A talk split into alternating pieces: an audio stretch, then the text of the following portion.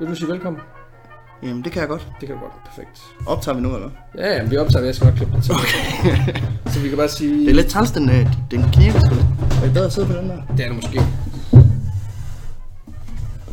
Du kan også bare sidde stille. Nej. Jeg skal, jeg skal have sådan en stol, som jeg kan pange sådan sige, uden at det er bedre. Det er bedre. det. så skal vi til at have hver vores lille sækkestol, vi kan sidde og wobble i, så man kan høre. Det her, det var sgu egentlig en meget god start på podcasten, ja, det kunne faktisk godt. Nå, jamen, øh, velkommen til podcasten Vanvittig Verdenshistorie. Endnu et afsnit, øh, her efter vores, øh, vores lille pause. Vores døde periode. Og nu er vi tilbage. vores dry spell, Ja. så at sige. Øh, til dem af jer, der ikke, øh, der ikke ja, kender så meget til os, så kan vi jo sige, at vi er en, vi er en podcast, vi hedder Vanvittig Verdenshistorie. Det har jeg sgu nok regnet ud. Øh, jeg hedder Peter Løde, og øh, min Ja. medvært, det er... Øh, Ja, jeg hedder Alexander Janko, og øh, jamen det vi, øh, lige helt kort, vi øh, laver jo den her podcast, fordi vi godt kan lide verdenshistorie, vi kan godt lide at fortælle historier, og øh, konceptet er meget simpelt, en af os tager en historie med, fortæller den anden øh, historien, og så sidder vi egentlig bare og snakker om dem, og øh, ja, igen i den her uge har jeg taget en historie med. ja, Og øh, det er spændende. det er altid spændende. Øh, det er jo igen sådan noget med, nu har vi jo haft en, en, en død periode på, på en, en ret lang periode, så jeg har jo ligesom fået bygget noget op inde i Ja. kroppen, der ligesom skulle ud. Jeg har ikke lavet en skid. Nej, men det er også... det, det, det, Sådan er det, det siger, jo. det siger meget om vores øh, interne forhold her i Bixen. Ja. Men øh, jeg ved ikke, ved du hvad, jeg, jeg kan lige så godt øh, gå i gang, og så kan, du, øh, så kan du knappe øl op, fordi det er jo også blevet sådan en tradition, at vi, øh, at vi fejrer vores, øh, vores tid, når vi optager med Ja. at drikke os fulde. Ja, så, selvfølgelig. Du Og knapper jeg har, øh, jeg har fundet øh, fadølsglas den her gang. Eller, Altså, det- øh, jeg ved ikke, om det er fadølsglas, men det er i hvert fald ølglas. Det er nogen, jeg har fået i julegave her. Du er simpelthen... Ja, men altså, Ja, jeg har fået det og gin og tonic glas. Jeg har kun fået glas i julegave. Jamen, jeg troede, at jeg har egentlig været chok- chokeret over, at de gange, jeg har været her, har du haft nye glas med hver gang, så jeg bliver sådan lidt, altså, det, Ja, ja. der, er, der er ikke noget, der hænger sammen her, men det er godt. Nej, men det kan også være en tilbagevendende gimmick, at øh, vi, Ja, du har et nyt glas med hver gang, og så har Ja. jeg øl med hver gang. drejer man bare på den her, der er Ja, sådan en det, kort det, tror jeg, det tror jeg. Det er sådan, Og det, så skyder du lige fjernsynet stykker, så, ja, nu skal jeg passe på. eller lampen. Jeg skal Eller ud- vinduet. Skal ud af vinduet. Nej, det er sgu nok en dum Bare lige, du ved, ramme en forbipasserende cyklist. Det vil være festligt. Hold da kæft, ja. Hold Det, da, den er stram. Som man siger, og hold da den- kæft. Ja, den, den lå vente på, så Uh, det er perfekt. nu ligger den over bag ved sofaen. Det er perfekt. Sådan. Ja, sådan er det. Nå. Nå, vi Jamen- skal snakke. Jamen, hvad er det, vi, vi, vi drikker, kan man lige sige også? Det er jo sådan noget La, la, la Gudal. Ja, La Goudal, La Gudal. fransk, så vidt jeg ved, øh, Ja, som lyder som The Good Ale, og den, den skulle også være ganske udmærket. Ikke så stærk, men øh, altså virkelig dejlig. Jeg kan godt lide den. dejligt frisk. Ja, Det er lige så meget en ølpodcast, som det er en verdenshistorie podcast, Jamen, det er præcis. kan man sige. Jamen, det, det, er jo igen, det er jo for at supportere vores lyst for historier, med og så fuse dem med vores lyst til bare at, Det er også fordi, at det Og kan godt være, det er bare mig, men altså historier bliver bare bedre, hvis man lige har fået nogle øl. ja, en, en, del øl. Ja, Øhm, præcis. Nej, jeg har taget en historie med i dag, Ja, og vi skal snakke om vores første dansker, vores første dansker. Ja, fordi vi har jo egentlig cirklet rundt i verden, og øh, jeg tænkte, nu skulle vi have en dansker. Så øh, jeg hiver lige øh, hele setup'et her tættere på, og øh, vi snakker vores første dansker. Det er, en, øh, det er faktisk en fortælling om en person, som ja, du ved, hvem det er. Øh, men det var faktisk noget, jeg først fandt ud af, var en historie, da jeg sad og kiggede på et amerikansk website. hvem Øhm, er, hvem er det? Buber? ja, vanvittig verdenshistorie. Nu om Bubber. Christian Meier. Øhm, nej, vi skal tilbage til 14. december i øh, 1546 Okay, på Knudstrup, øh, Knudstrup Borg i Skåne. Så han er... så er det sgu nok ikke Buber. Nej, det er det sgu nok. Han holder sig virkelig godt. Det er fordi, han bruger Jamen, han er, mosevand. altså, Ligesom på, toldermanden. bare de seneste 20 år, han er jo ikke blevet ældre jo. Han er sådan den danske Will Smith. Han, han, han ændrer sig simpelthen ikke. Efter, efter at lave Bubbers badekar, så har han bare holdt sig stram lige siden. Buber er den danske Will Smith. Det, der er nogle sammenligninger, der vi kunne gå ud i, men jeg tror, vi skal lade være. det går du til valg på. Det går jeg til valg på. øhm, nej, vi skal til ja, 1546 på øh, Knudstrup Borg i Skåne, så teknisk set ikke dansk, men, men alligevel, fordi mm. ja, Skåne var en del af Danmark dengang, hvor Tyge Ottesen Brahe bliver født. Mm. Og han får så allerede ret tidligt sit uh, street name, Tycho Brahe. Tycho. Tycho Brahe. Øhm, det er meget internationalt, og det, det, det giver også mening, når vi kommer længere ind i historien. Han var søn af adelsmand Otto Brahe, og han var af en meget, meget, meget indflydelsesrig familie, som mængede sig med toppen af den, af den danske adel på det her tidspunkt, og faktisk også øh, til dels med kongen. Øh, okay. familien, familien ejede ret mange øh, hvad hedder det, herregårde, de havde jordområder i hele Danmark, i Norge og i Skåne, Så på den måde kan man sige, at Tycho Brahe, han, han er nok det, man vil sige, han er nok født med en, med en i røven, hvis ikke øh, en af guld. jeg, jeg, kan godt lide, at du kaldte det en street name, fordi det er sådan lidt sådan, hey, who that nigga over there? Oh, that's Tycho, der er Tycho Brahe. det passer mig. Og du kaster lidt for mange håndtegn til, at du vil kunne, kunne gøre, begå dig ret godt i alle skader. Nå, øhm, I skåneskader. Ja, i skåne skader. Øhm, altså man kan sige, han er jo han har i hvert fald ret gode betingelser for at klare sig på en, på en tid, hvor, øh, hvor der er ret meget... Ja. Der er mange ting, der går galt. Der er noget, der er noget, noget sort pest, der er noget krig, der er noget alt muligt ballade i Europa, som gør, at, at, at der er ikke en ret høj levestandard, og han, han starter ligesom et godt sted, kan man sige. Det spicer lidt hverdagen op. Ja, godt sagt, han, vi kan godt blive enige om, han er en del af eliten. Ja. Øhm, som helt ung, der bliver han skibet afsted til sin, øh, til sin onkel, Jørgen Brahe, mm. som, øh, som også bor i Skåne. Og det er så her, han vokser op. Øhm, angiveligt, fordi Tycho Brahes far har fem børn, og onklen har nul børn. Okay. Og det er jo altså rart at vide, at ens forældre elsker en så meget, at de bare skiber en afsted. Ja, præcis. Jeg har Som- en fornemmelse af, at det er sådan en ting, man gjorde dengang. Altså, det var meget mere udbredt, man bare sagde, men altså, vi har fem, du har nul, det må gå op her. Ja, Tag- det er ligesom, her. ligesom chokolade. Altså, du har 0 chokolade, jeg har 5, så, øh, så må du godt få et stykke af mig. Chokolade og børn, det er det samme. Jamen, dengang, der, Der var det samme. det er sådan en medlidenhedsbarn, man, Ja. man giver væk. Det var den, den dårlige. En trøstepræmie. Det var- Til dem, der ikke helt kunne. Nej, men øhm, Brahe, han er ret skarp. Øhm, han er en skarp knight, og øh, efter en lille grundlæggende boglig uddannelse hos onklen, der øh, starter han på øh, Københavns Universitet i øh, 1559. Der er han øh, 12 år gammel. Shit. Ja. Og det lyder i sig selv sådan rimelig vildt, at man som 12 starter på universitetet, men det var åbenbart ikke særlig ualmindeligt på den tid. Fordi vi havde jo ikke, dengang havde man ikke ligesom et skolesystem i dag, hvor du skulle tage 10 klasser og noget ungdomsuddannelse. Nej. Skulle sidde Det med en, skrive en SRO og skrive en SRP og være til en vejleder og Det må, alt det fandme, der. jeg tror, det må have været svært at skrive dansk historieopgave dengang. Der var ikke så meget historie. Og Ej, det er mere sådan noget, der er noget flint. Yes, den er god. 10. Den er god. det er mere sådan en samtidshistorie. ja, præcis. Øhm, nej, men han, øh, han starter som, øh, som 12-årig på universitetet, men han, han, altså selvom at det egentlig sig selv ikke er unormalt, fordi det var også mest eliten, der kom mm. på universitetet dengang, så det var også, man kan sige, det var også en eksklusiv klub i sig selv, og det var jo de, kan man sige, ja, de var de rige børn, og, og derfor så var der ikke så mange, og de, de kunne lige så godt starte, når de var færdige med en basisuddannelse, havde lært at læse og skrive. Øh, men alligevel, han, han er lidt skarpere end de andre. Han begynder at studere jura, men bliver ret hurtigt interesseret i astronomi, og det at følge øh, himmellegemernes bevægelser og studere himlen. Øhm, Ja, det er bare vildt over en 12-årig, der sådan... ja, Der, der er sådan jura uddannet. Også fordi, hvis man har set de jurastuderende her i Aarhus, ikke? jo, jo, jo. Altså, Man har et, øh, et helt klart billede. ja, så forestil dig, det er bare de 12 år gamle. Jeg kan ikke se forskel alligevel, men det er nok, fordi jeg selv er ved at blive Ja, det er fordi, de alle sammen ligner nogle konfirmander alligevel. Ja, det er rigtigt. Men Law and Order. Preteen edition. øhm, nej, men han, øhm, han synes, at, at himmellemmer er skide interessante. Altså det her med, at mm. man via nogle kikkerter eller nogle et eller andet, så kunne man ligesom forudse, hvornår øh, der var solsmørkt. Mm. Det synes han var helt vildt fedt, så derfor ville han også gøre det. Helt konkret, så var der en historie om, at i, i hvad hedder det, 1560, der skulle de angiveligt have forudset en solformørkelse, og det skulle de godt, altså mange år i forvejen. Og da det så skete, så blev han sådan helt, wow, okay, kan man det? Det vil jeg gøre. Så det han gjorde, det var, at øh, han skiftede simpelthen spor, og øh, begynder på egen hånd at læse astronomi. sådan en selvstudie. Ja. Og det igen, det siger også bare lidt om, at, at altså, det, det var en anden tid, ikke? Fordi dengang, der var det jo sådan, at du gik ned til studievejlederen og sagde, nu skal du høre, det her jura, det gør sgu ikke noget for mig. Har du noget over i humaniorafdelingen? Ja. Altså, der var tre retninger. Der ja. var, det der med at have en karriere, det er ikke lige så meget mig. Kunne det være mere noget med arbejde på McDonald's? Når Ja, lige præcis. Ja.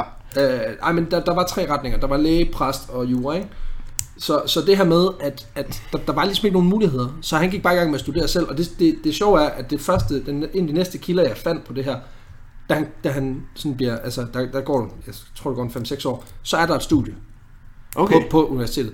Så det viser også bare, hvis man er rig nok, så kan man også bare, du ved, så Ja, starter ja. man bare sit eget studie. Det er også meget fedt at være autodidakt astronom, synes jeg.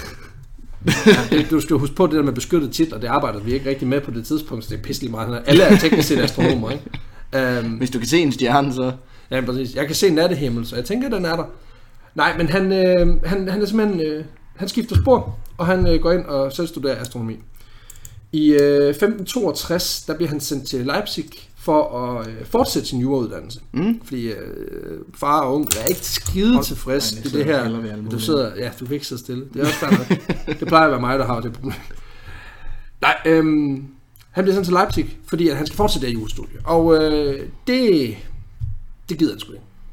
Så han bliver bare ved med at tage ud om natten, tage på natterand for at kigge på stjerner og sover ikke, og du ved, fester, holder det vilde, kører det vilde partyliv som 14-årig eller sådan et eller andet. Det er sådan Øh, den danske Tony Stark. Sådan, jamen, det I passer stedet for at være. Iron Man om natten, så kigger han bare på stjerner. Så står han bare og glukker. Øh, og det, det er faktisk et problem for den hushovmester, som familien har sendt med til sådan at holde styr på ham, fordi selvfølgelig har man sådan en. Øh, han har skidesvært ved at, at, ligesom at sørge for, at han kommer ordentligt til seng og sådan noget. Han er trods alt kun 14, ikke? For han stikker simpelthen af, og så går han ud og kigger på himmellegemer. Hvilket også i sig selv er, altså... Jeg ved ikke, hvad, hvad lavede du som 14-årig, ikke? Altså, Altså, jeg... Ikke øh, Nej, jeg lavede, jeg lavede ikke så meget, tror jeg. Faktisk, for at være helt ærlig. nej. Jamen, det, det, det er virkelig... Altså, Jeg spillede World of Warcraft, og Ja, ud, langt ud på natten. Og hushovmesteren hjemme ved dig, han havde også svært ved at holde dig fast på Ja. de jurastudierne. og så fik man også nogle andre hobbyer. Det skal... Det, det kom sikkert på et tidspunkt. Nå. Øhm, en af de ting, han hurtigt opdagede, det var, at mange af de målinger, som de tidligere astronomer havde lavet, de var altså galopperende upræcise. Øh, der var blandt andet, en, altså, og de var fyldt med fejlkilder, Ja, der var blandt andet i, i 1250, der blev der udregnet en meget specifik dato for, hvornår Saturn og Jupiter de ville øh, krydse hinanden. Men øh, den ramte en måned ved siden af. Og så, der, så, kom, så har han så fundet en, en anden tabel, som var lavet øh, noget senere, og den, den var så alligevel stadig et par dage ved siden af. Det viste simpelthen, at det handlede om, at mange af de her instrumenter, de brugte, de var mega upræcise. Nå, Så det han i en alder af en 14-15 år regner ud, det er, vi bliver simpelthen nødt til at lave vores egne instrumenter. Så han går simpelthen i gang med at, at lave sine egne instrumenter, og begynder ligesom at, at lave oftere målinger, fordi det er også en af de problemer, han, han er, han er lidt ligesom Iron Man, som Jamen, bygger, han er bygger sin egen... Øh, Præcis, ikke sådan en øh, 1500-tallets Elon Musk, ikke? Altså han tænker, der er et problem her, jeg bliver nødt til at disrupte det. Ja, Øh, så sender han en bil ud i rummet. Lige præcis. Øh, det, jeg synes er interessant i det her, det er jo, at, at, at, at han, han finder også ud af, at der er en helvedes masse fejlmålinger, som gør, fordi at, at de, de måler en gang, og så går der et år, og så måler de igen. Ja. Han finder ligesom ud af, at hvis du bare måler hele tiden, så får du flere datapunkter, så kan du bedre være præcis. Ja, selvfølgelig. Og det er ret smart.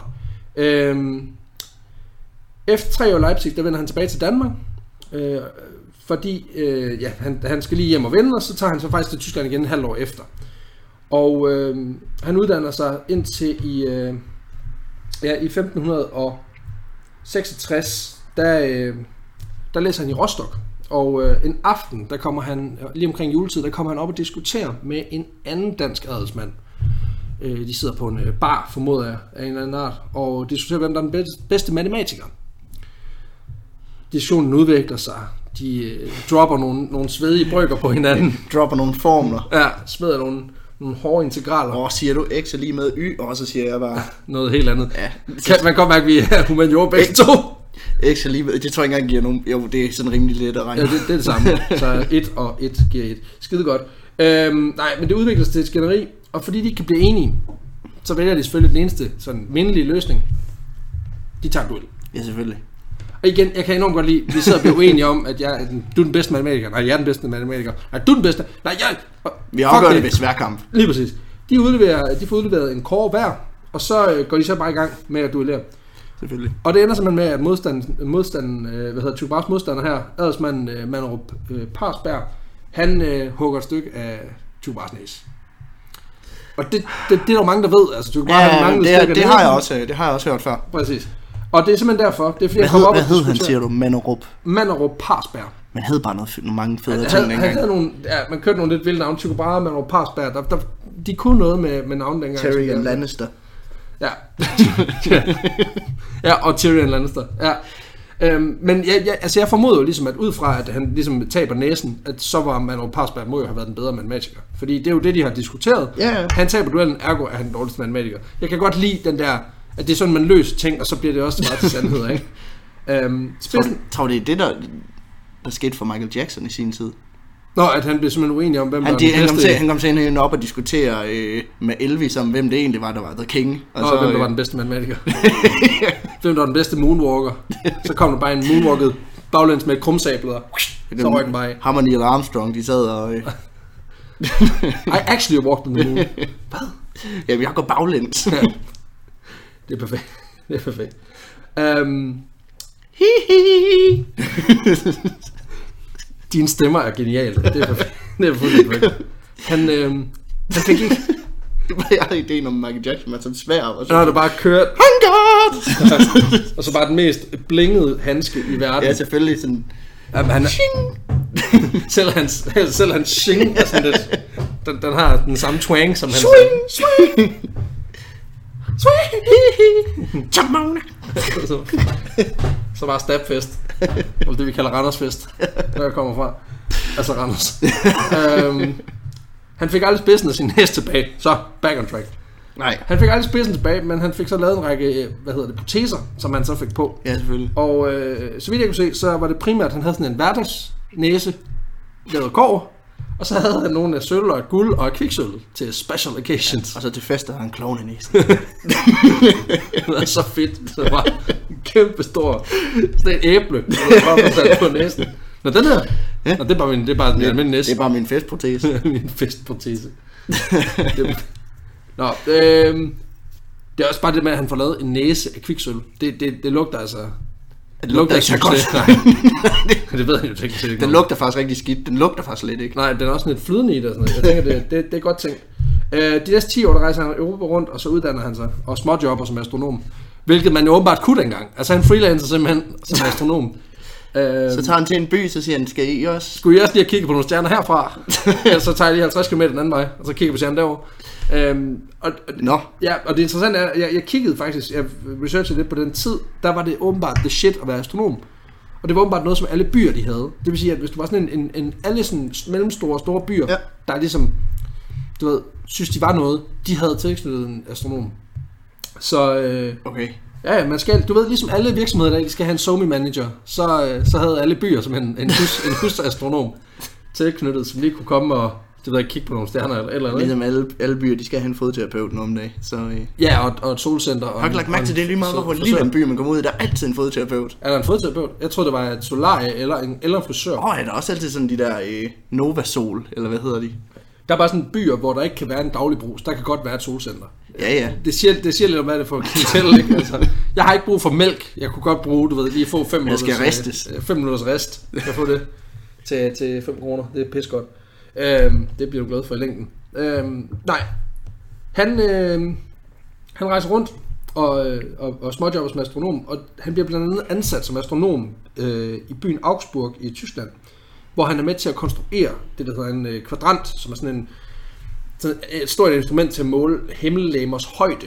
Øh, altså hvor, Ja, ja. Hvor, ja, Hvor langt der er deroppe. Ja. Og øh, det er så sådan en, en kvartbue, jeg skal forestille dig, som så står op af en, en, øh, enten af en væg eller øh, står frit. Og så kan man ligesom ja. ud fra vinkler og sådan noget måle, øh, ja, lave en beregning. Nå. Ja, Ja, jeg ved super meget. Jeg ved Jeg er super også meget. sproglig studerende. Ja, jeg ved, jeg ved psyko meget om instrumenter til at måle himmellæmers højde. Så snart Ja. du ser vinkler, så er det bare...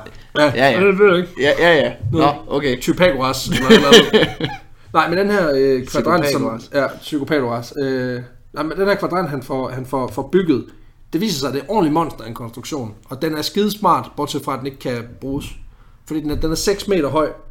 Ja. Den er sådan komisk stor. Øh, og det er skidesmart, når man skal måle noget. Det er bare pissehammerende dumt, når man skal bruge den. Fordi det krævede 20 mennesker øh, at, at, at navigere den. Så det viser sig, at den, den bliver, altså reelt set har den ingen praktisk anvendelse. Men det er bling bling shit. Altså, Ja, nu har det er Tycho Brahe. Ja, det er Tycho Brahe, der, der lige har været inde og, og, og fyre noget, nogle vilde instrumenter. Ikke?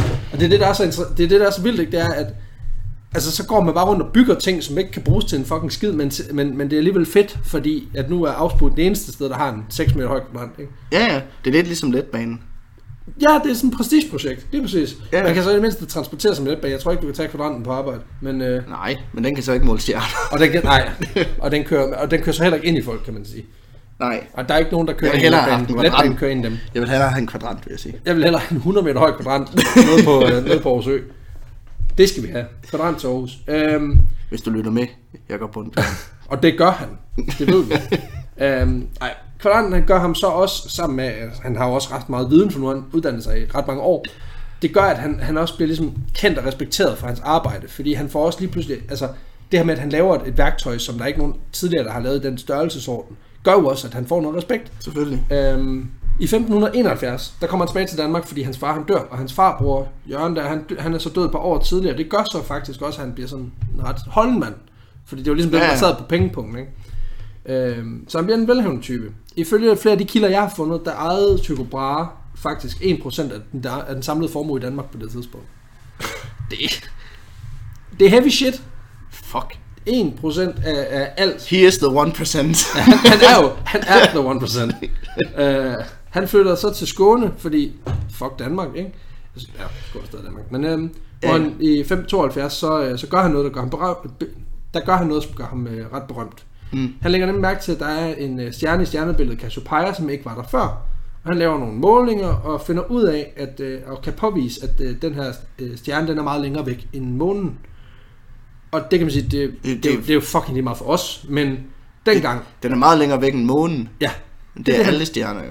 Ja, ja, men det, han pop, det er jo det, jeg siger. Det er, det er jo ikke noget, hvor vi sådan tillægger noget værdi. Øhm, men, men han kunne bevise, at månen, at, altså, at månen var tættere på end en stjerne. Og det gjorde jo lige pludselig, at det ikke bare var sådan en eller anden en, et himmelvæld, men at der var faktisk en, et bevis for, at Nå, at der var forskellige ja, dis- at der var, de- at der var distancer i rummet, ikke? Og det var jo kæmpe stort, at man ligesom fandt ud af, okay, det er ikke bare noget, nogle tosser, de siger, nu kan vi faktisk påvise, Ja, ja, at, at, at rummet er der, så at sige, ikke? Og det gør jo, at det er kæmpe stort, ikke? Han har opdaget Øhm, rummet. Ja, nu skal vi passe på. for Det kan sagtens være, der sidder en eller anden, du ved, der er en eller anden italiensk fyr, som påstår, at det var ham, der fandt på det. Men, øh, Så er ja, men, men uanset hvad, altså han, han påviser det her, at der er, der er forskel, og det, det, det er åbenbart en ret stor sensation dengang. Og det er en stjerne, som i dag kender, kender som, øh, som Supernova 572, fordi den opdaget i 1572. Ja, okay. indtil nu, der havde man ligesom arbejdet ud fra, øh, den, at, verden, at himlen den var formet af Aristoteles verdensbillede, hvor, altså, hvor alt imellem øh, jorden og månen, det var foranderligt, mens det, der var udenfor, Ja. det var bare plant, ikke? Det er der, hvor du bare får Ja, ja. den sandhed op for dem, ikke? Og det er jo ret vildt, ikke? Øh, han udgiver en bog øh, i 1573, der hedder De Stella Nova, som handler om det her nye verdenssyn, og det gør ham til en rockstjerne inden for astronomien, hvilket i sig selv er fucking baller. Um, He found a star and became a star. ja, wow. Ja. Der er en- der er en- Tycho Brahe. der er en plakat, vi ikke skal have lavet. We found a star and became a star. Um, nej, men han, det, det gør så også, at, at den her sådan, nye opdagelse gør, at, at han får kontakt af hele Europa. De går fuldstændig amok, ikke? Altså, du ved, Ja, ja. kommer, jeg formoder en form for vildt mange uh, astronom groupies. Uh, Ja. Det er så, han står på sådan en scene, så siger han sådan... Træscene. Kigger han ind i sådan en stor kikkert, og så siger han, den er der. Jeg er Og ikke så- engang sikker på, at kiggeren var opfundet. Men stadigvæk. Men så, er crowdsurf, så crowdsurfer han ud. Ja, jeg tror, han laver, du ved, ligesom, øh, hvad hedder han, øh, Usain Bolt. Du Ja. han laver ligesom, øh, Han dabber. han dabber. han dabber, mens han peger op på Cassiopeia. Han, øh, han tager næsen af og kaster ned til publikum. Han har sådan en crowd næse. Du ved, ligesom en plekter til en koncert. Så bare sådan en plastik en. Bare lidt tyr i hovedet på en eller anden winch, der står i første række. Um, ej, det, det stikker rimelig meget af, og han bliver så også øh, tilbudt nogle forskellige jobs. Uh, han begynder at forelæse på Københavns Universitet, og det er det, jeg siger. Altså, han startede tilbage i 1560 mm. med at bare sige, nu går jeg min egen vej, og så går der cirka 15 år, og så begynder de også, at, så under, nu underviser de så også i astronomi, ikke? Så det har jo været det der poppet, det, er jo, det har jo været Det er- social media det er jo, øh, 1500s, ikke? det, er, det var datidens kønsstudier jo. Den får bare lov til at stå helt selv, den der. Den, den, den vil jeg gerne se dig selv smyge ud af, når kvindfo de kommer efter dig. Undskyld, Ruk. Om lidt, så når, når du går ned på gaden næste gang, så, er der bare, så, har, så der kommer der bare så snigmyr, der bare, bare tager dig. øhm, nej, men han bliver tilbudt et job. går bare videre, som om du ikke har sagt noget. Øhm, Jeg står ved det. Perfekt. Kvinde. Kvindehader! øh, nej, 1575, der begynder han at forberede øh, at flytte til Basel, for der har han fået et job. Tyskerne, de er tosset med det shit. De el- de- de han elsker jo det. Leipzig, Rostock og Basel. Altså, det, Han har været på sådan en Tysklands turné. Turné. Ja. Jeg kan ikke høre, om det er astronomi eller slakkerbox, du ligesom agerer for her. Tycho, Tycho Brahe. Han er simpelthen, German tour. ja, han er sådan den, for dem er han den danske Hans Jensen, Ja. Så kommer de og hører på ham og smider næsen. Øhm, nej, da han så ligesom, da, på det tidspunkt, der sidder, der sidder Frederik den anden som, som konge af Danmark, og da han hører, at Tycho Brahe, han er på vej ud, så tænker han, oh shit, vi bliver nødt til at beholde vores golden boy. Vi kan sgu ikke bare skifte ham afsted til en ligegyldig tysk, øh, tysk landsby.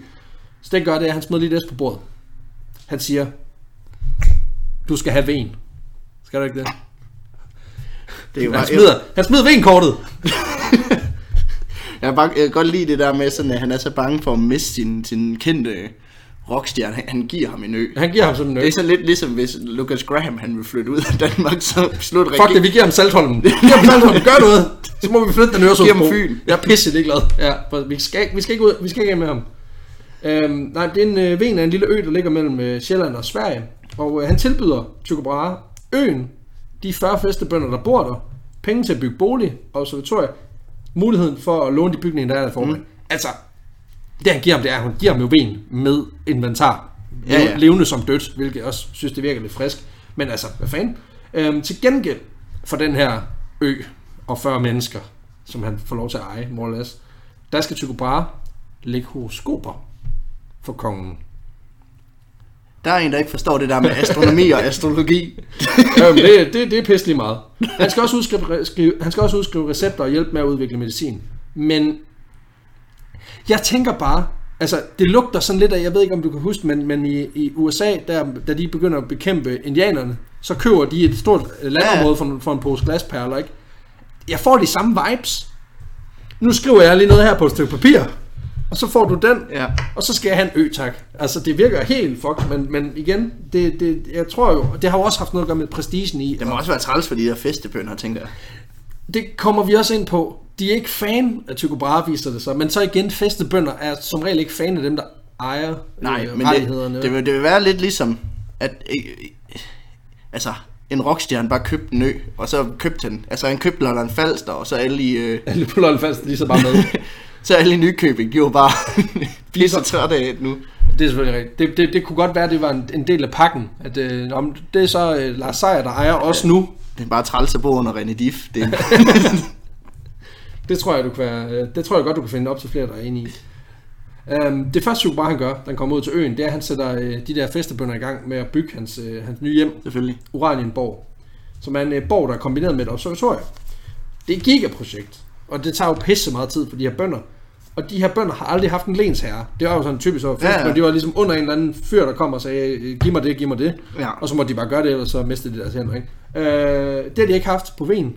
Fordi, der, Fordi ikke det er var nogen, et der er nogen, der gad bo på vejen. Ja. Det, det var de, de 40, der har regnet den ud. Ikke?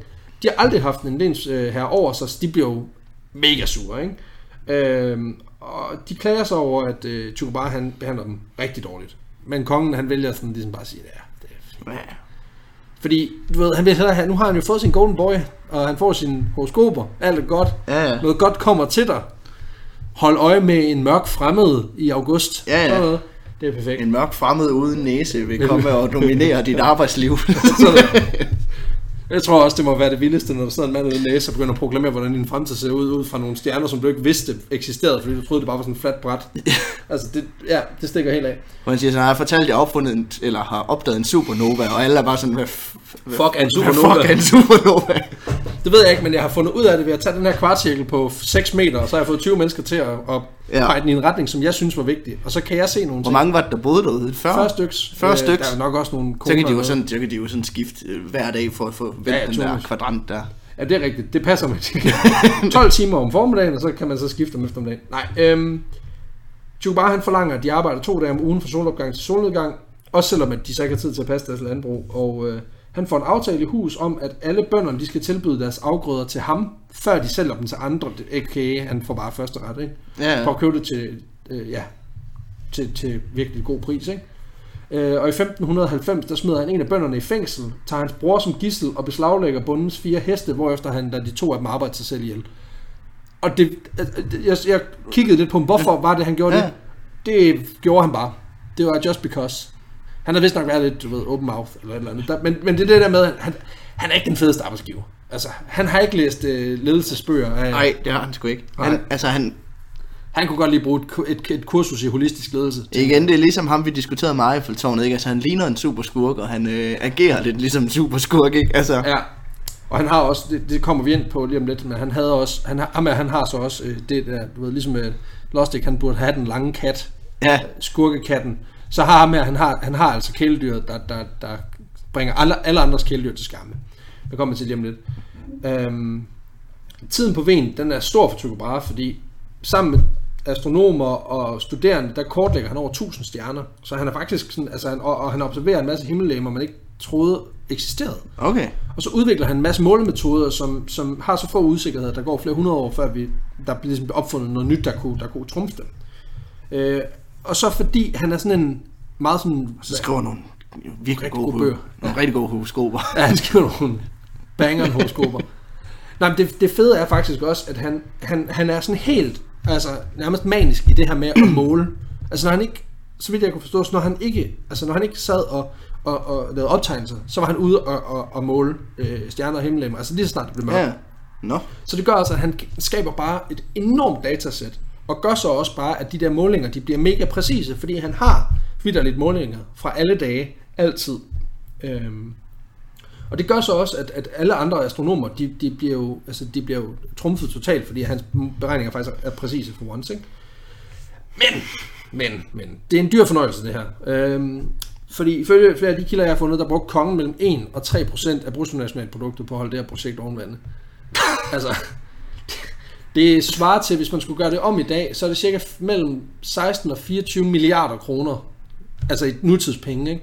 der skulle bruges på det. Forestil dig, at man tog 24 millioner, milliarder ud af finansloven, for at give til én mand i dag. Var ikke det, de gjorde med Sigurd Barrett? Det er bare, da Dan Jørgensen han skulle lave årets Danmarks nationalret. Det var lige 30 milliarder lige der. Og det blev, slet, ikke- det blev så stegt flæsk. Det blev givet til Claus Meier. Statstilskud til vores golden boy. Øh, ja, nej. Nu skal vi ind i, fordi en ting er, at Ven er et, øh, altså det er et crazy projekt, Ja, ja. men øh, Brahe, han, altså, man får lidt fornemmelsen af, at han er en bestemt type, ham her, ikke? Altså, han, han er ikke så god til det her med mennesker, og han er også lidt mærkelig. ja, lidt et røvhul. Er lidt røvhul. Nu skal vi så ind i de... Jeg, jeg fandt to ting om Tycho Brahe, som jeg synes var til den specielle side.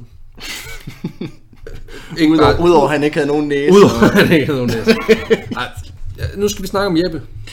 Jeppe. Jeppe. Jeppe, han var øh, Tycho Brahes hofnar og rådgiver. Fedt. Som, og så var han dværg. og så var han synsk. ja. Fuck et tv. Han, øh, Erhvervserfaring, nar, rådgiver, synsk, dværg. Nå, men dværg, jeg tror ikke, man skriver dværg på CV'et. Jeg ved ikke, du skriver vel ikke normal højde på dit CV? Jo. Okay, så har du ikke ret meget. Jamen, jeg har ikke så meget Det var det, det, var det der var. jeg er normal højde. De siger, man skal skrive alt på. Ja, det, det, det, kan jeg love dig for, at jeg fik gjort. 28 sider CV. Bare sådan kortlægt hele min krop. Øhm, nej, Jeppe han var hans, øh, hans rådgiver, som sad under bordet, når, øh, når, når Tycho bare sad og spiste. Og så sad han og, og rådgav ham. Brugte, sit, brugte sine synske evner til at, du ved, lige komme lidt in, input ned fra bordet. Han er sådan en form for soufflør. jeg, jeg ved ikke, hvordan... Altså, det, det, det, det kan jo også være, det mega hoax, men jeg har fundet det sådan stort set alle steder, at der var en dværg, der hed Jeppe, som, boede, som, som primært sad under bordet og rådgav Tycho Brahe. Og det kan godt være, at det er mig, der digter nu, men jeg synes også, at jeg har læst, at han viskede. Så, det, så forestil dig, du sidder og har en samtale med en af de største øh, inden for sit felt i århundreder. Ja, kongen er kommet på besøg Kong- ja. ja. for at få noget ud af de der 3%. Ja, du ved, du sidder og får lavet horoskop, ja. Ja. og du kan ikke kraftedeme ikke koncentrere dig, for det er sådan en dværg og visker gode råd til ham, der skal lave dit horoskop. Tycho, Tykker, hey Tycho. sig, at der kommer en mørk mand ud næs. Så vil jeg ødelægge dit arbejdsliv. Prøv at, øh, prøv at varme mod pesten. Der er allerede pest. Hold nu op. Ja. Det er det, jeg siger, han er synsk. Det der med, at han er synsk, dværgen, det er åbenbart noget, som, øh, hvad hedder det, det, det er åbenbart noget, som Tycho bare selv, jeg ved ikke, om han fundet på det, men han var overbevist om, at, at Jeppe var synsk. Nå, men, men det er altså, han er og, og jeg kan også godt lide kombinationen af hofnar og rådgiver. Men det er åbenbart, det er åbenbart meget normalt dengang, at, at hofnaren var sådan en, underhold mig, hvad tænker du, indspark, Ja. sådan en, en form for konsulent, ikke? ja. Og det er også bare sådan, det er fandme en underlig op kombination. Altså det er sådan, det, det, det er sådan lidt ligesom hvis Lars Lykke, han sådan vendte sig øh, mod spindoktoren, sådan, øh, Nå, jamen hvordan håndterer vi den her lortesag, Mikke Øgendal? Altså, og så dans lige. Du ved jo øvrigt ikke, om, om der sidder to spindoktorer nede under bordet, når han laver øh, nytårstalen. Det kan du teknisk set ikke vide. Psst, sig noget med finansloven. Sig noget om indvandrerne. Sig noget om øen. Øh, vi har også fået en ø! Ja. Holy shit. Ja. Fuck, har vi en ø?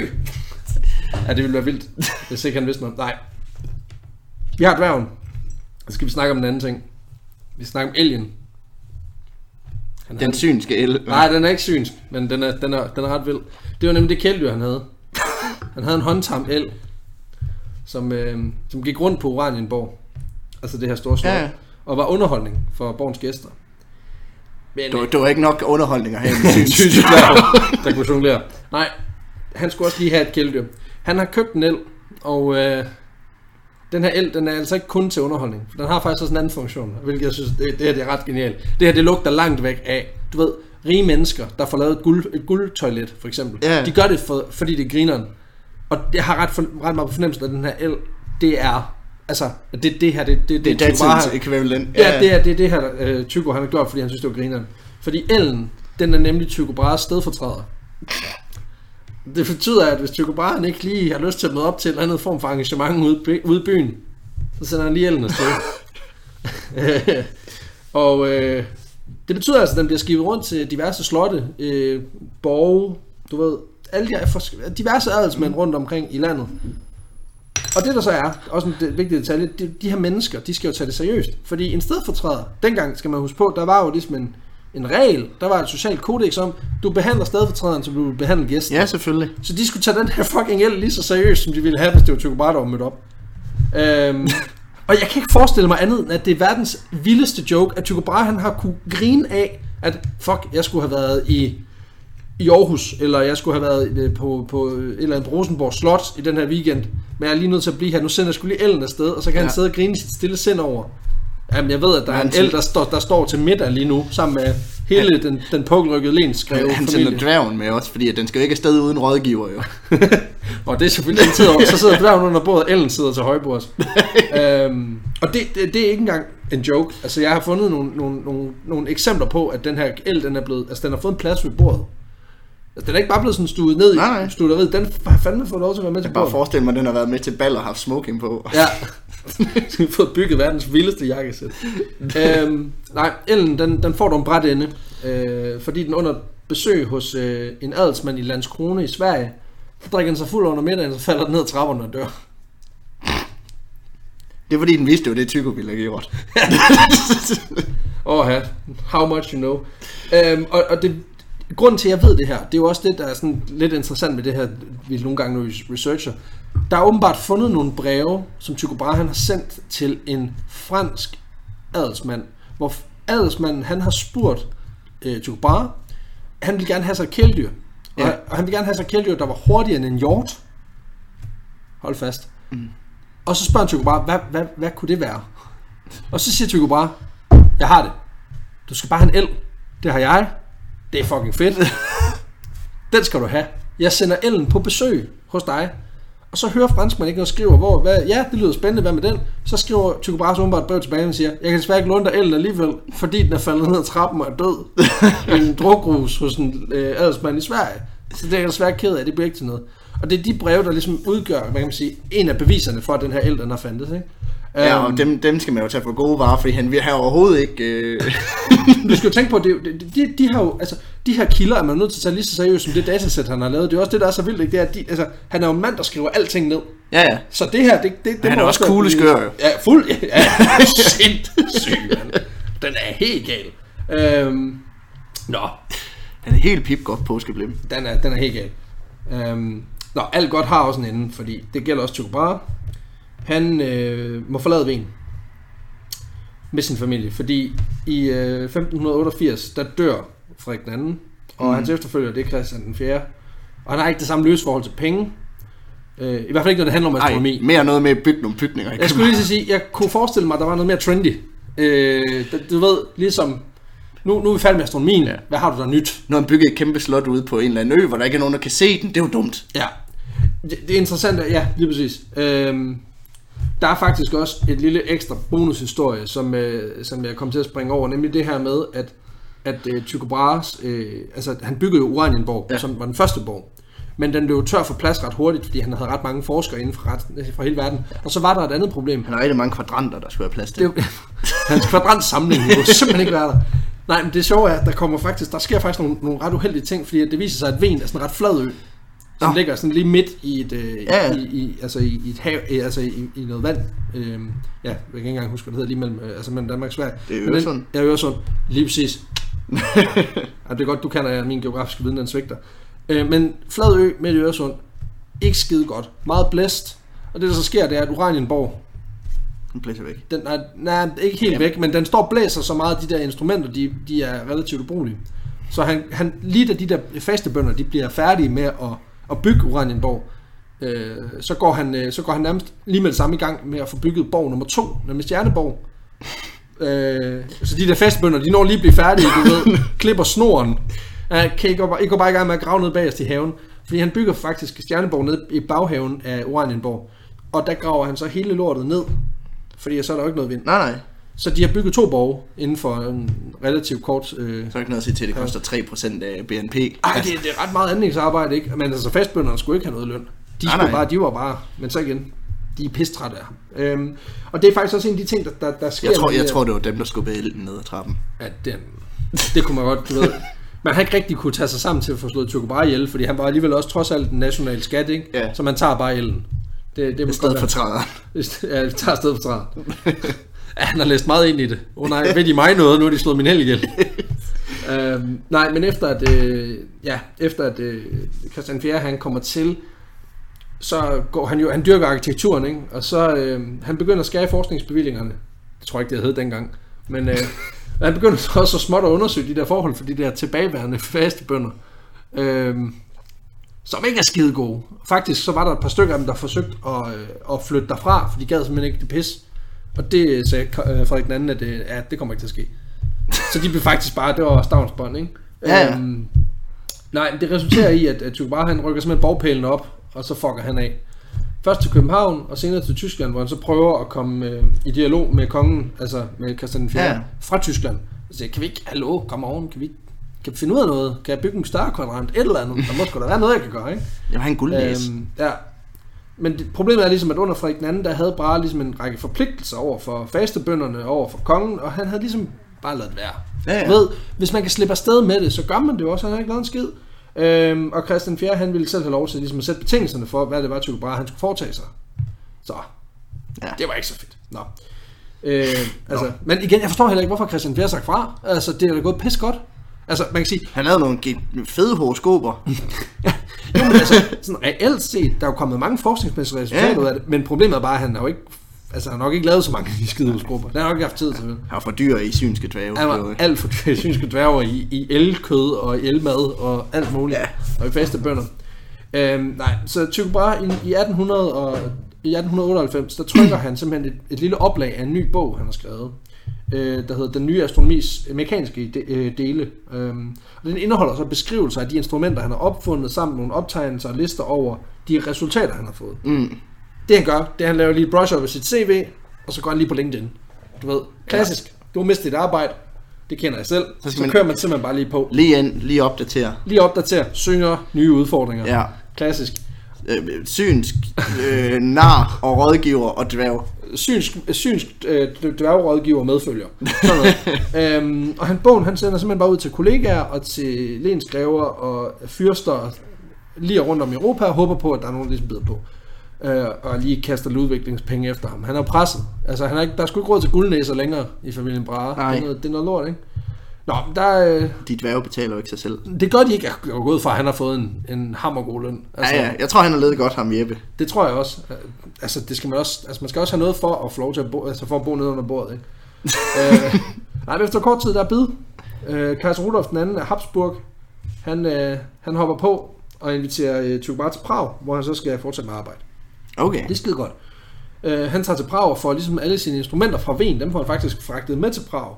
Men det er en dyr ting, de skal flytte et par gange, og han, det lykkes ham ikke rigtig at få genskabt det, han har fået lavet på Wien. Øhm, og det er noget lort, altså. Og set ud fra, altså, set ud fra verdenshistorisk perspektiv, så er det her faktisk nogle ret essentielle år lige her omkring, Mm. øh, der 1500 eller 1600. Fordi han kommer nemlig til at arbejde sammen med en anden astronom, der hedder Johannes Kepler. Ja. Ja, som vi nok alle sammen kender, om ikke andet så er navn. Øh, det er en astronom, som på mange måder bliver aftager og ligesom videreudvikler på mange af de ting, som, som Tycho Brahe han ligesom arbejder på.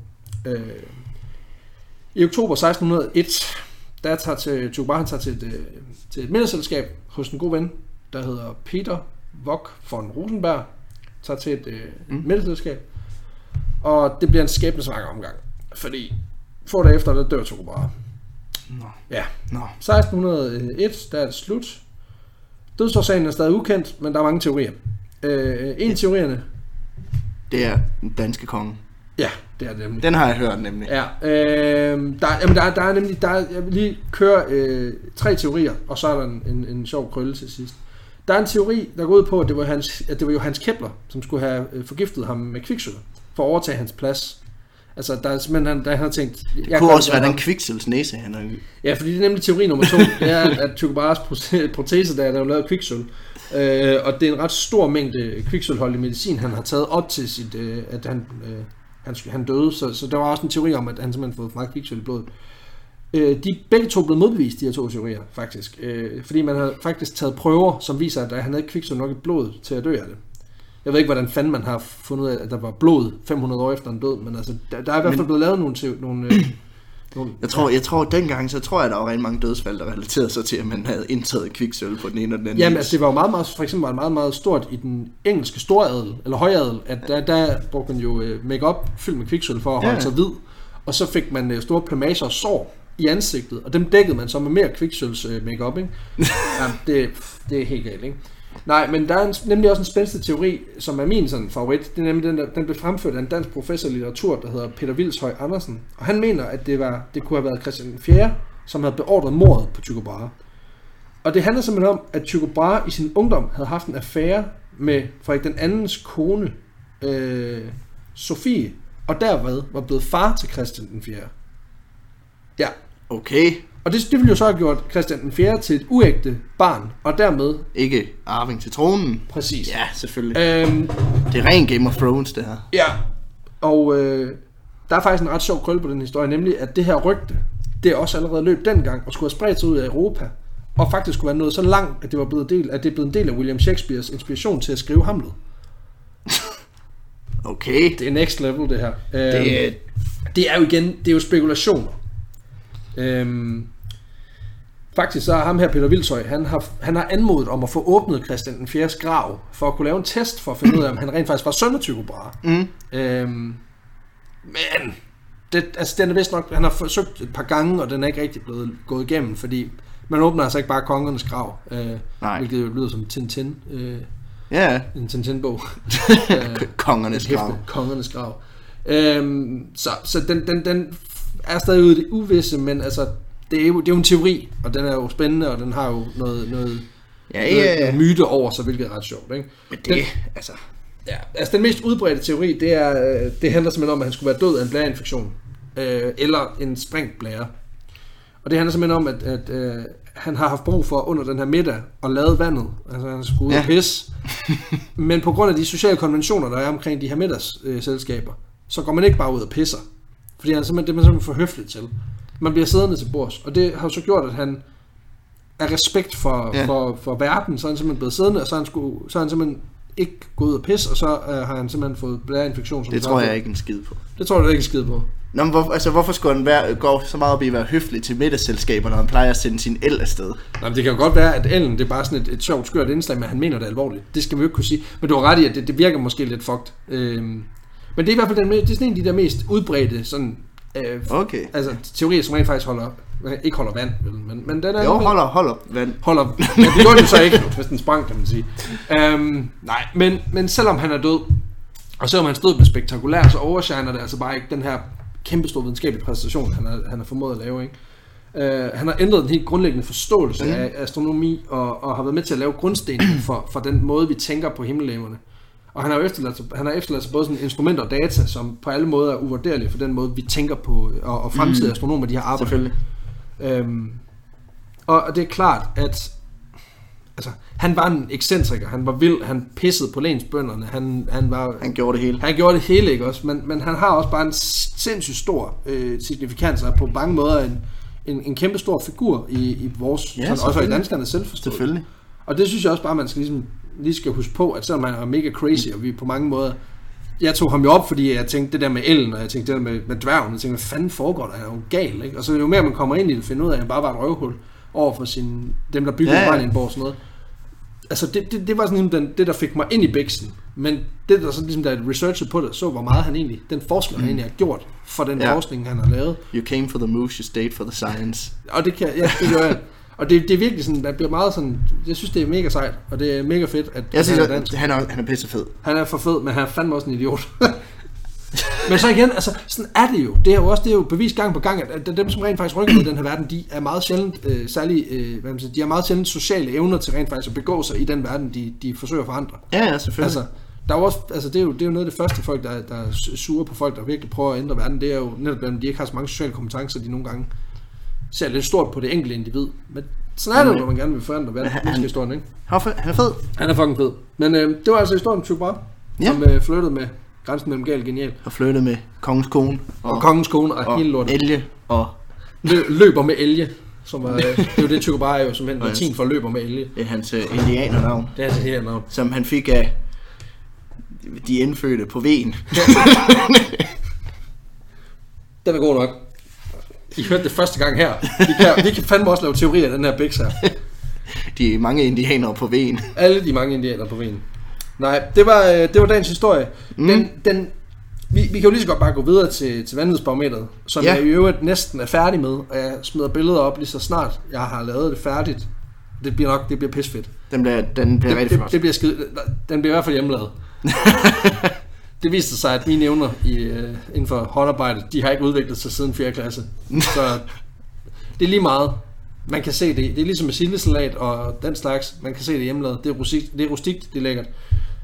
Det har også en charme. Det har sin charme. Den her historie, jeg tror ikke, for mig kommer vi ikke ret meget over 50.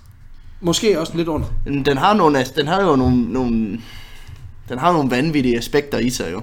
Altså, øh, kan man sige, ikke? hvis man sådan skal prøve at, at kigge lidt sådan, øh, analytisk på det. Jamen jeg synes jo, den, den Øh. har ligesom to elementer. Ikke? Den har de der små vanvittige indspark med alien og med, med Ja, dværgen, lige ikke? præcis. Men den har også, synes jeg jo, altså, jeg synes også, at det der vanvidskriterie ligger også lidt i, at han er den første, der ligesom beviser, Ja, ja. hvordan lortet hænger Altså sammen. udover at være ekscentrisk, så er han jo også... Øh, Pisse dygtig. Ja, ja. Og, og, en, og en first mover på mange ting, og, og grundlægger af noget. Og det bliver vi også bare nødt til at honorere på en eller anden måde, ikke? Selvfølgelig. Men, selvfølgelig. men, Men han... Øh, men nej, jeg synes også godt, vi kan bevæge os op i måske nærheden af de 60. okay, så vi ligger mellem 50 og 60. Ja, Skal vi, skal vi bare køre smack down the middle og så sige 55? så Er siger vi der- 55. Den er 55 på en skala fra 0 til 100. Ja, til, ja, det tænker jeg. 55, den er fandme købt. Det gør vi. Det gør vi. Jamen, øh, jeg, får, øh, jeg får den Vi får- indført på, øh, på vores lille barometer. Han skal plottes ind. Han skal plottes ind, ja. Det var sgu, øh, Ja, det var en speciel, speciel historie, og den første dansker. den så. første danske historie i podcasten. Ja, og Nå, øh, der, forhåbentlig ikke den sidste. nej, det tænker jeg ikke. Altså, der, det er klart, at, at der skal være noget, noget, noget tungt, for at, at vi vil, for jeg, jeg ligesom synes, at det er spændende at tage op. Men, men der er en masse. Man kan også sige, Dan, altså, Danmarks historie er også verdenshistorie. Det er helt jo- vildt, og, og, og vi har jo også haft noget presence uden for, uden for landets grænser. Vi har haft noget slavehandel, og vi har haft nogle vestindiske øer, nogle, nogle ting, som gjorde... Nogle dværge, der tænkte, hed Jeppe. Ja. Ja, nogle dværge, der hed Jeppe. vi, skal, vi går bare benhårdt efter dværgene, der hed Jeppe. øhm, nej, men, men der er selvfølgelig aspekter, som jeg synes er skide interessante, men dem bliver vi også nødt til lige at... Altså, der skal bare lidt mere til, synes jeg. Ja. Fordi der er fandme mange vilde historier, hvis man kigger hele verden igennem. Ikke? Og det er også derfor, vi har valgt at lave den her podcast. Med udgangspunkt i Selvfølgelig, verden. selvfølgelig. Så øh, Ja. ja, det var det. Tak fordi I lyttede med. Jeg håber, I synes, det, øh, det var fedt. Øh, vi har en Facebook-side, som man meget gerne må gå ind og, og like, hvis man har lyst til det. Ja. Øh, her lægger vi nogle billeder ud. Vi lægger billeder ud af vores øh, vanvidsparameter, når det engang bliver færdiggjort. Øh, Når jeg lige bliver færdig i mit uh, woodwork. der kan du også få opdateringer omkring, når der udkommer nye afsnit, øh, den slags ting, hvad der ellers lige foregår. Hvis vi beslutter os for at holde pause et år mere, så kan du også finde ud af det der. Du ved, vi bliver ligesom de der, de Ja. der gamle, de der film, der kommer en gang hver 10 år. ja, Det er også. Øh, Og, øhm, ja, og ellers så, øhm, så gå ind og så øh, like vores podcast, øh, giv den fem stjerner. Øh, Det betyder meget for os. Det gør, at det, det bliver nemmere at se for alle de andre. Så hvis I synes, den er fed, så, så del den endelig. Fortæl det til dem, I kender, Ja. at I synes, det er fedt. hvis du kan lide det, så sig det. Ja. Ja. ja. Og hvis du synes, det er noget værd lort, så skriv til os. Så finder vi ud af det. Så ignorerer vi det. Hvor, så finder vi ud af, hvor du bor. Nej, vi er selvfølgelig altid åbne over for inputs, også fordi at øh, Men kun hård kritik. vi er også stadigvæk i nogle af de tidlige afsnit af podcasten, og er lige vendt tilbage efter en længere pause, så øh, vi prøver som sagt at introducere nogle, øh, hvad kan man sige, lidt mere sådan gimmicky elementer med, med barometer og, Og bajer. og, og, og barometer og bajer, som man siger. Hvis man kan komme på noget mere med et B, vi kan bruge, så kan det være fint. Men øh, Barometer, bajer og bingo. hvis man har idéer til, til emner, vi kunne tage op, Ja, øh, smid det endelig indbakken. men Vi- velkom, velkommen til det. Jeg har haft en del, der har skrevet til mig, at øh, om der var noget med det, eller noget med det, eller prøv at kigge på det her, og det, øh, der er helt sikkert noget i, i meget af det. Der er også noget, der ikke er noget i. Men, øh, men skriv endelig. Så, Altså, jeg, jeg kan sige så meget, jeg har fået input fra en lytter om, at øh, der angiveligt var en øjenlæge, som prøvede at fikse folks blindhed med fuglelort. okay, Og så siger jeg ikke mere. er der mere på det end det? Du skal lige, du skal lige give lidt tid. Øh, det ved jeg, der er. Øh, den er lidt tungere at hive op, end jeg lige havde regnet med, men den findes, og den, den, skal, nok, den skal nok komme på et tidspunkt. Men nu, nu ved I, den er der. Så kan I jo gå, så, så kan I jo gå og varme med det. Den er modtaget. Den er det modtaget. Nej, men, øh, men nej, følg os på sociale medier, øh, giv os fem stjerner. Øh, hvis du synes, vi fortjener fem stjerner, ellers skal du selvfølgelig ikke. Øh, giv os en kommentar, noget feedback, og ellers så lyttes vi ved en anden god gang. Hej hej.